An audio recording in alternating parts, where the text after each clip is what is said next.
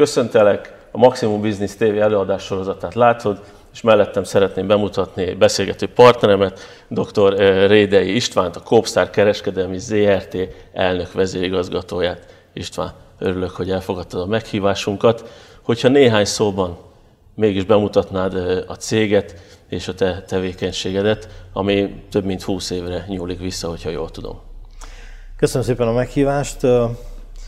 A Copstar ZRT tevékenysége valóban 20 évre nyúlik vissza, illetve hát most már lassan 22, de azért kicsit uh, nagyobb a múltunk.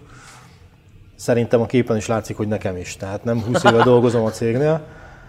Én valamikor még a 80-as évek végén kezdtem a Jássági Áfésznél, és a Copstar ZRT 1999-ben alakult meg, és akkor három korábban önállóan működött áfész hozta létre, már gazdasági társaságként. Elsők voltunk az országban. Abban az időben indult el, hogy szükség van a piacon való megmaradáshoz arra az integrációs folyamatra, amelyet gyakorlatilag társasági forma jelentett, és egy kicsit a túlélésünknek is az áloga volt.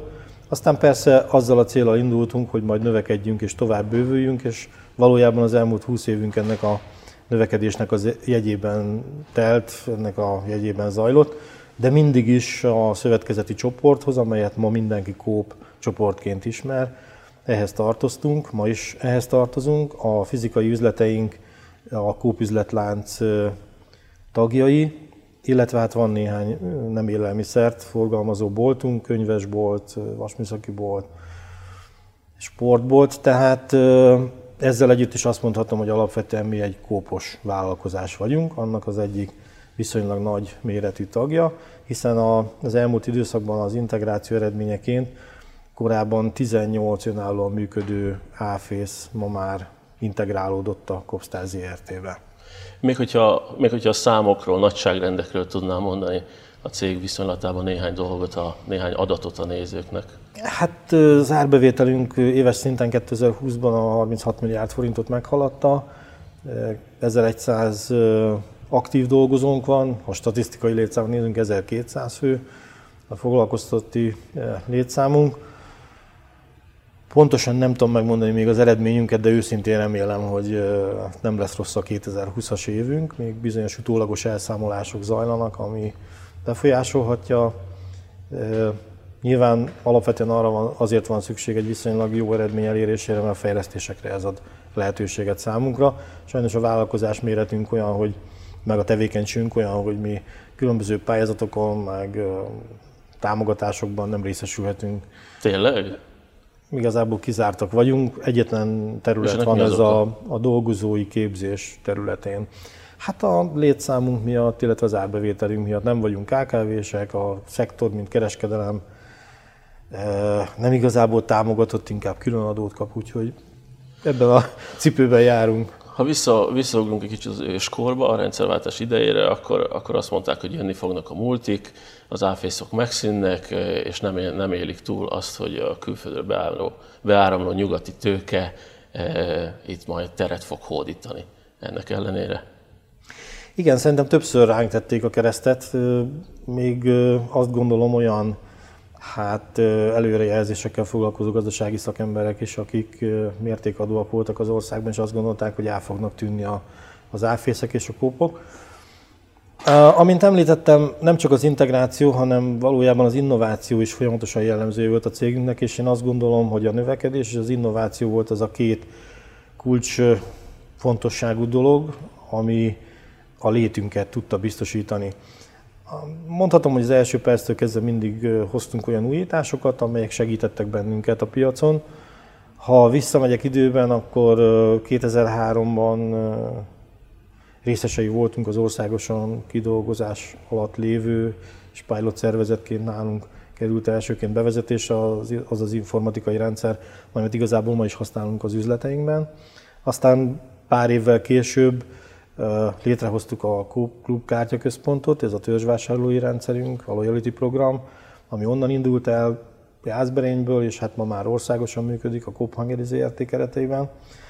Aztán picivel később kezdeményezésünkre létrehoztuk a Coop Hitel ZRT-t, amely a Coop csoport pénzügyi szolgáltatója, mai napig is faktorálás, vállalati hitelezés, személyi kölcsönnel foglalkozik, illetve egy külön vállalkozása, amely eszközfinanszírozással, bolti berendezések, gépjárművek, minden egyéb eszköznek a, a tartós bérletével foglalkozik, és aztán valahol a válságperiódust követően a 2010-es évek közepétől pedig egy olyan bolt megújítási programhoz fogtunk, ami komfortjában és a fogyasztók számára sokkal vonzóbb módon jeleníti meg a, a kópüzleteket. Ezek mind kellettek ahhoz, hogy a piacon tudjunk maradni, és hát azt is el kell mondjam, hogy, hogy amit mi magunkkal hoztunk értékek, azon kívül, hogy ide sorolnám mondjuk az emberközpontúságot, egy nagyon erős társadalmi beállítottsága volt a szövetkezeteknek, és ezt, ezt a kapcsolatrendszert meg tudtuk őrizni. És ezáltal elsősorban vidéken meg tudtuk őrizni a fogyasztói bázist is. Ez fantasztikus, hogy, hogy mondjuk ennyi, ennyi üzletet vidéken megtartani, mikor mindegyik közepes vagy, vagy nagyobb városba multik jelentek meg. Hát az öröm, hogy talpon vagyunk. Minden de, de a most piaci mert pozíciónk... volt egy kifejezés, amin fönnakadtam, de az elején ez teljesen érthető, azt mondani, hogy túlélés. De itt, itt most már nem arról volt szó, hogy, hogy túl, túléltek, hanem azt mondod, Igen. hogy fejlesztettetek, és még, és még a dizájnján is alakítottatok, sőt képeket mutattál, hogy milyen fantasztikus üzleteitek vannak az országban. Igen, ez is a túléléshez kellett, szabad így mondani. Ugyanakkor nyilván azt a struktúrát meg kellett változtatni, ami, egyfajta nehézséget is okozott számunkra, túlzottan széles spektrumú volt a tevékenység, hiszen valamikor az áfészak a vendéglátástól a felvásárláson keresztül nagyon sok Műszaki mindennel igen, foglalkoztak, és uh, alapvetően ma már az élelmiszer napi cikk van a fókuszban, erre kellett fókuszálnunk. Ilyen módon a piaci részesedésünk az összkiskereskedelemből nyilván csökkent, de ezen a vagy ebben a szegmensben, ami az élelmiszer napi cikk kereskedelem, ebben azért versenyben tudunk lenni. És a hálózatunk, nem csak a miénk, hanem a kopcsoport hálózata is folyamatosan újul meg, és a fogyasztói igényeket igyekszik kiszolgálni. Tehát ezek a fejlesztések, ezek az innovációk ahhoz kellettek, hogy túl tudjunk élni. A növekedés meg ahhoz kell, hogy versenyképesek tudjunk maradni. Pontosabban, hogy szoktam mondani, hogy, hogy a, a növekedés az a versenyképesség fokmérője, és ez biztos, hogy így van, mert ha nem vagyunk versenyképesek, nem tudunk növekedni. A beszélgetés előtt említetted, hogy nagyon fontos nálatok a projekt alapú gondolkodás. Igen, erre azt szoktam mondani, hogy akkor tudunk sikeresek lenni, ha egy dinamikus szervezetünk van. Most a dinamikus szervezethez az kell, hogy egy jó csapatmunka, egy jó együttműködés legyen, közösen megalkotott céljaink legyenek, és ezeket a célokat, ha fogalmazhatok így, a munkatársak azokkal azonosulva próbálják meg elérni. Ennek a módszere az, hogy, hogy nagyjából másfél-két évente indítunk el egy-egy újabb periódust, szoktuk úgy is nevezni, hogy cégmegújítási program, és ennek keretében 5-6-7, mikor mennyire van szükség, projektet. És akkor ezekben a projektekben a kollégák úgy működnek közre, hogy nem egy-egy adott területnek a, a kollégái dolgoznak egy-egy projekten, hanem különböző területek képviselői vesznek részt ebben a munkában. Ez hogy jött ez az ötlet, hogy bevonni más területeken dolgozókat? Uh, mindenkiben van egyfajta vaksága a saját területén, aki dolgozik. Tehát ja, szűk egy kifejezést. Igen. Mondhatnám azt, hogy a nyomtatóló esete. Nyomtatóló esete. Tehát, tehát uh, nincs kivétel, ez mindenki rajta van egy picit a szemellenző. Most onnantól kezdve, hogy más területekről is vonunk be kollégákat, egy picit szélesítjük ezt a látást, más aspektusokat is próbálunk megvizsgálni. És nem csak ez az előnye van annak, hogy együtt tudnak dolgozni különböző területek munkatársai, hanem az is, hogy, hogy ezáltal jobban megismerik a másik által képviselt terület munkáját, illetve akkor, amikor a megvalósításról szó van, akkor nem értetlenül állnak mondjuk egy adott feladat megoldása előtt, tudnak vele azonosulni, tudják segíteni annak a bizonyos célnak az elérését, és kialakul egy nagyon jó együttműködés úgy az osztályok, vagy az emberek között, ami egyébként nem föltétlenül jönne létre, mert lehet, hogy, hogy egymástól távol lévő irodákban élik az életüket hónapokon, vagy akár éveken keresztül, legfeljebb annyit tudnak, hogy egy bejáraton jövünk be, és egy bejáraton megyünk, vagy egy kijáraton megyünk ki. Ehhez képest, amikor elkezdenek együtt dolgozni, könnyebb a kommunikáció, másként szólítják meg egymást, másként kérdeznek, és fölgyorsítja magát a, akár a kérdésföltevést, a válaszok megadását is, kialakul egy belső kohézió, és ez nagyon sokat segít a, a hétköznapi munkában is.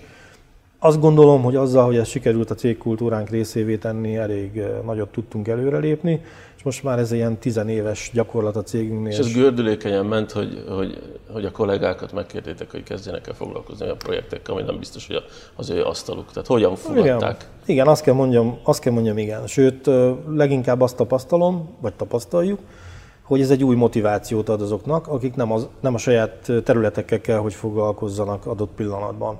Tehát ha mondok egy példát, nem oly rég a dolgozói állományunk vonatkozásában bevezettük ezt a elektronikus munkaidő nyilvántartó rendszert, hozzá kapcsolódóan egy érdekeltséget és bérszámfejtést is végrehajtó szoftvert, de ebbe a kereskedők ugyanúgy, mint az informatikusok, tehát sok mindenki közreműködött. És amikor ehhez hozzáfogtunk, akkor ugye ezek a, ezek a kollégák, mondhatom azt, hogy a hosszabb távon mindenki áldozata, áldozata ennek, hiszen mindenkinek alkalmazásba kell ezt venni. Most, hogy hogy veszem alkalmazásba az adott területen, ha ismerem benne vagyok a folyamatban, miért így akarjuk, miért ezt a rendszert akarjuk telepíteni, miért ezeket a módszereket, miért ezeket a paramétereket akarjuk belőle folyamatosan látni, megértik, és utána sokkal gyorsabban teszik be a hétköznapjaikba, egy bolti szinten az, hogy egy munkaidő tervezést egy boltban végre kell hajtani, hát hogy fogalmazzak, tehát nem föltétlenül volt egy jó leső munkafolyamat, vagy munkavégzés az üzletvezetők vagy a kollégáik számára. Most pedig azt látom, hogy élvezik ezt, elkészítik ezt a programot, és ehhez képest viszonylag gyorsan megvan, hogy kinek milyen műszakbeosztása, mikor, hol kell munkára megjelenni, csak akkor kell hozzányúlni, ha valami extrém dolog történik, és az, ami egyébként napi szinten nyűgöt jelentett, az most ilyen rövid idő alatt végrehajtható.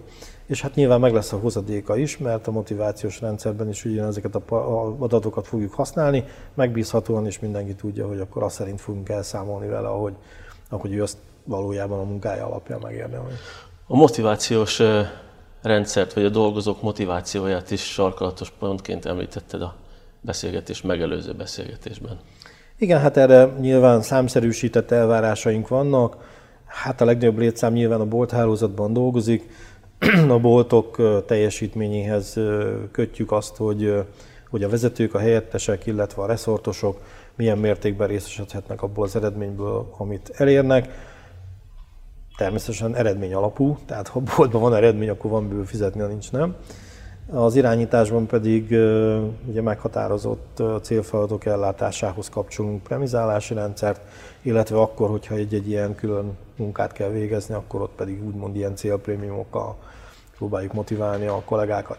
De én azt gondolom, nem, nem, ha motiváció, akkor nem elég csak pénzről beszélni. Tehát én azt látom, hogy, hogy nagyon sok esetben a, kollégák igénylik azt, hogy ők szeretnék tudni a, a munkavégzésükkel kapcsolatban, hogy jól csinálják a dolgokat, vagy nem. Milyen érdekes. Azt is szeretnék tudni, hogy nekik stabil a munkahelyük, vagy nem. Ha most arra utalok, hogy milyen napokat élünk, vagy milyen időszakot élünk itt ebbe a járványhelyzetben. Ez futott végig az agyamon, hogyan lehet stabil a munkahelyet ígérni múlt évnek, A múlt évnek a, az egyik érdekes tanulsága az volt, hogy már az első fázisban, vagy az első hullámban, hogy szoktuk nevezni, az első hullámban is nem azért aggódtak, hogy most megbetegednek-e vagy sem, vagy hogy kiesnek a munkába, vagy nem esnek ki, hanem az, hogy megmarad-e a munkahelyük. Ez volt a fő. Tehát tőlem nem azt kérdezték, hogy mi lesz akkor, hogyha én beteg leszek, vagy nem, hanem hogy megmarad-e a munkahelyük. És legelőször ebben kellett megnyugtatni a kollégákat, hogy nem gondolom, hogy ez a helyzet, ez a járványveszély, vagy ez a helyzet, ez azt fogja hozni, hogy, hogy, hogy itt munkahelyek szűnjenek meg. És akkor utána mindenki jobban megnyugodott. És utána, amikor jött az őszi időszak újra felvetődött ez a kérdés, hogy látják maguk körül, hogy hogyan alakul a gazdaság, hogyan alakulnak a munkahelyek, és megint csak az volt a fő kérdés, hogy nekik megmarad ugye a munkahelyük. És akkor azt kellett mondani, igen. És azt kellett mondanom, mert így is gondolom, tehát nem csak azért, hogy megmutassam őket, így is gondolom, hogy megmarad a munkahelyük, és teszünk érte, hogy megmaradjon. És sok esetben azt kell mondjam, hogy a, az imént említett megnyugtatáson kívül, a pénzbeli motiváción kívül sok olyan dolog van, amikor, amikor azt látják a kollégák, hogy, hogy, hogy azt érzik a kollégák, hogy itt itt jó helyen vannak, és szélesen dolgoznak itt. Van jó néhány olyan munkatársunk, akik időközben eltöltöttek bizonyos időt más üzletláncoknál, és visszajönnek, és ők mondják el, hogy, hogy miért. Uh-huh. És azért jönnek vissza, mert másfajta emberi hozzáállás van a mi hálózatunkban, a kollégáink részéről. Jobban toleráljuk azt gondolom a, a személyes igényeiket, ha kell munkaidővel, ha kell annak biztosításával, hogy otthon tudjanak maradni mondjuk egy betegápolás céljából, éppen akár ha már ez a járványos időszak, akkor hadd mondjam, hogy mi a, a kritikus időszakban rendkívüli szabadságot is biztosítottunk azok számára, akiknek erre szüksége volt, úgy, oly módon, hogy a cég állta. Tehát azt gondolom, több, több annál a motiváció, mint hogy most pénzt tudunk-e adni, egyfajta hozzáállás is, és e tekintetben megint csak azt tudom mondani, hogy cégkultúra kérdése. Ha ezt betettük a szokásaink, a magatartásunk, a, a gondolkodásunkba, és mindannyian ezt követjük, akkor, akkor ezt nyugodtan hívhatjuk egy cégkultúrának. És ebben, ebben kell, hogy jó érezzék magukat az emberek. Az innovációs gondolkodásmódotok, vagy, vagy a koronavírus segített abban, vagy tolt nagyobbat a, cégen, hogy az online térben elinduljatok és, és mozgolódjatok, mint online áruház? Sokkal régebbi a, a terv, hogy egy online módon történő tevékenységet is vigyünk, mint hogy ez a járványos helyzet megjelent volna. Valójában 2019 novemberében mi azt mondtuk, hogy el fogunk indulni. Induljon. Tehát, igen. Akkor még kicsit másként gondolkodtunk persze róla, mint, mint 2020 tavaszán, és aztán később ugye itt partnerséget alakítottunk ki ebben az ügyben. A másként gondolkodás pedig abból az a járványhelyzetnek volt köszönhető, hogy egy picit magát, azt a kört változtattuk meg, hogy, hogy mi kerüljön be ebbe a térbe. De valójában a, a gondolat magva az tizenéves, az indulás oly módon, hogy készítsük elő a saját berkeinken belül, az több mint egy éves, és aztán pedig jött ez a járványhelyzet, ami nyilván katalizálta ezt a folyamatot. Hiszen Mennyire gyorsította fel? Hát egyik oldal azt mondom, fölgyorsítottam, másik, oldal, másik oldalon meg azt mondom, hogy, hogy lassabban valósítottuk meg, mint hogy én szerettem volna. Tehát az, az már egy külön történet. Tehát amikor hozzáfogtunk, picit hamarabb szerettünk volna indulni. De most már azt mondom, hogy hál' Istennek ott tartunk, hogy működik. Az első tapasztalatokat gyűjtjük. Nyilván messze nem járunk ott, mint ahol szeretnénk. A minden téren van még bőven előrelépni való. Én bízom benne, hogy ezeket a lépéseket meg fogjuk tenni. Szinte, ha nem is napi, de mondjuk heti egy-két alkalommal beszélünk róla, hogy hol mit kell változtatni, milyen erőforrások kellenek, és ez mind a, a emberek vonatkozásában, mind az eszközök vonatkozásában érdekes, és hát nyilván nagyon bízunk abban, hogy ez a partnerség a Maximum business segít bennünket abban, hogy előre tudjunk lépni.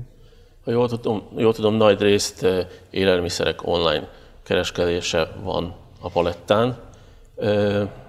Milyen kihívásokat jelent ez nálatok? Milyen, milyen problémákat hozott elő?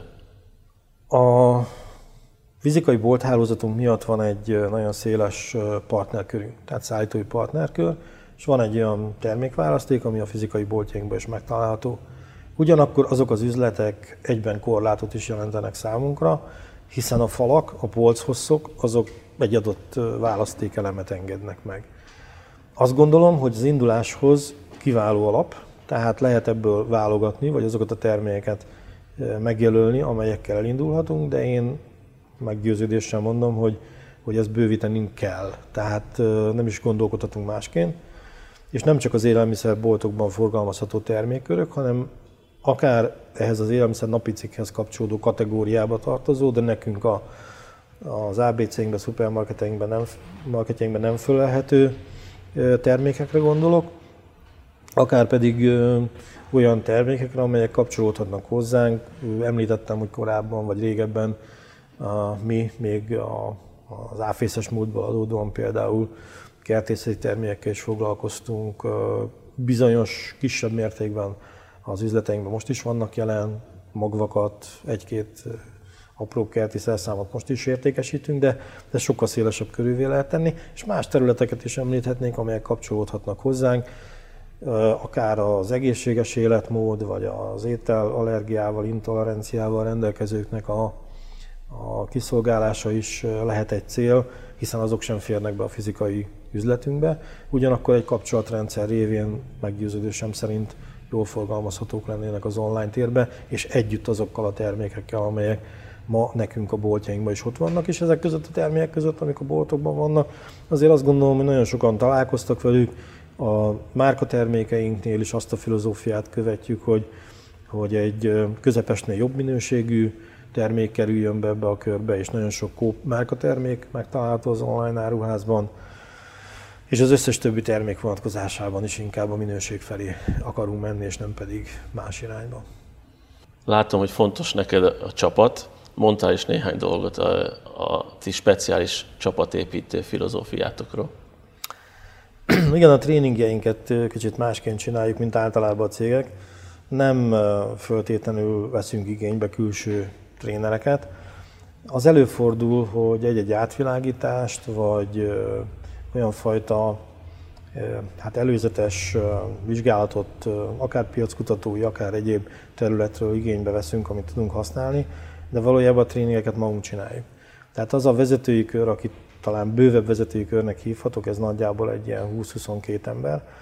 Együtt ülünk le, együtt alkotunk célt, együtt priorizálunk, és utána, ha ezek megvannak, akkor, akkor azt mondjuk, hogy jó, akkor próbáljuk meg ezeket elérni, és amikor a célalkotás megtörtént, utána hozzuk létre ezeket a bizonyos projektcsapatokat, projekttímeket, amelyekbe ugye vegyesen, mixelve különböző területekről vesznek részt nem csak vezető kollégák, hanem hálózati dolgozók, vagy éppen olyan beosztott kollégák is, akik tudjuk, hogy kreatívak, jó ötleteik vannak, és hogy legyenek részesei ennek a munkának. Tehát ez izgalmas történet, az biztos. E tekintetben lehet, hogy egy picit eltérünk a többi kóptól. Mindenképp ezért, ezért lepődtem meg. Szerintem nem csak a kóptól, hanem további, további nagyobb vállalati kultúráktól is, akik mindig külső tanácsadókhoz nyúlnak, és, és azok akarnak tréningeket. Egyet mondhatok, a kollégák nagyon élvezik. Tehát ugyanúgy megvan a, a nap végén a, a, a például át kell írni mesét, és megvan adva, hogy milyen feltételekkel, de jelmezeket kölcsönzünk hozzá. Tehát nagyon jól érzi magát a társaság. Aztán vannak más egyéb szórakoztató játékok, de semmi nem történik véletlenül, tehát azoknak is megvan a maga üzenete, amikor ezeket kitaláljuk. Ha Coop Online-ra még visszatérhetünk, azért egy dolgot nyilván el szeretnék mondani. Tehát a, akkor, amikor említettem, hogy milyen termékekkel indultunk, és mi az alap, akkor azért a Coop márka termék hangsúlyosak. A Coop üzlet filozófiája, a Coop üzletláncnak a filozófiája ilyen szempontból fontos, mert annak idején mi azt mondtuk, hogy, hogy az a mi küldetésünk, hogy a, a magyarországi családokat az élelmiszer napi cikkel lássuk el, kifejezetten segítjük a magyar termékek piacra jutását, ezzel együtt a hazai kis közepes vállalkozásokat is. Egyébként erre mi létrehoztuk a Tallér eh, nevű eh, ernyő márkát, ami azt jelenti, hogy a hazai hagyományos ízeket jelenítjük meg eh, ezen márkanév alatt, de különböző termelők az ország különböző pontján állítják elő, és az adott tájegység ízvilágának megfelelő módon készülnek húskészítmények, savanyúságok, vagy éppen tészta, és még sorolhatnám. Aztán ebbe az üzletfilozófiába vele tartozott az is, hogy mi kifejezetten kerüljük a bizonytalan eredetű és silány minőségű termékeknek az üzletbe kerülését, amit úgy gondolom szintén tartunk is, és ezek az elvek, ezek mindenképpen a online is meg kell, hogy jelenjenek. És végül, de nem utolsó sorban azt mondtuk, hogy a tevékenységünkkel szeretnénk hozzájárulni a fogyasztóink, a beszállítóink, a munkatársaink és a, hogy mondjam, tehát a, a saját életminőségünk javításához is. És hogyha ez sikerül, akkor azt gondolom, hogy, hogy rendben leszünk, és remélem, hogy ezt a Coop Online-on keresztül is meg tudjuk majd valósítani. Reméljük. A Coop az egy nagyon nagyon-nagyon ismert, elismert márkanév Magyarországon. Mit gondoltok, mennyire lehet még kiaknázni ezt a márkanevet? Mennyi mindent lehet még felfűzni rá? Úgy, mint egy élelmiszerkereskedelmi üzletlánc, ismert a Kóp név. Ha én arra gondolok, hogy csak Európában a Kóp az mennyi minden mással foglalkozik még, és viszonylag van szerencsém jól ismerni akár a Benelux, akár a skandináv országok Kóp szervezeteinek a működését, akkor még óriási lehetőségeink vannak, hiszen az egyik oldalról nem föltétlenül csak élelmiszerrel lehetne foglalkozni. Jelen pillanatban erre van erőnk, de régebben azért csináltunk sok mindent. Tehát az egyik lehetséges kitörési pont, hogy ne csak élelmiszer napicikkel foglalkozzunk. A másik, hogy az az üzletház, ami, üzlethálózat, ami ma rendelkezésünkre áll, jelentős átalakuláson ment át. Beszéltünk róla, hogy versenyképességhez kellett egy struktúraváltás, kisméretű boltok közül jó néhány megszűnt. Ugyanakkor a nagyobb üzletek küllemükben és választékukban sokkal inkább versenyképessé váltak. Ez a fajta koncentrációs folyamat tovább fog menni, és egy más belső arculattal, más komforttal megjelenő kóp lehet a jövő sikeres kópja. Tehát van lehetőségünk piacbővítésre, és van lehetőségünk a saját meglévő piacunkon olyan fajta magatartást, olyan fajta átalakítást végrehajtani, ami még versenyképesebbé tud tenni bennünket. Köszönöm szépen, dr. Rédei István, köszönöm a beszélgetést. Kövessétek a Maximum Business TV előadás sorozatát. Sziasztok!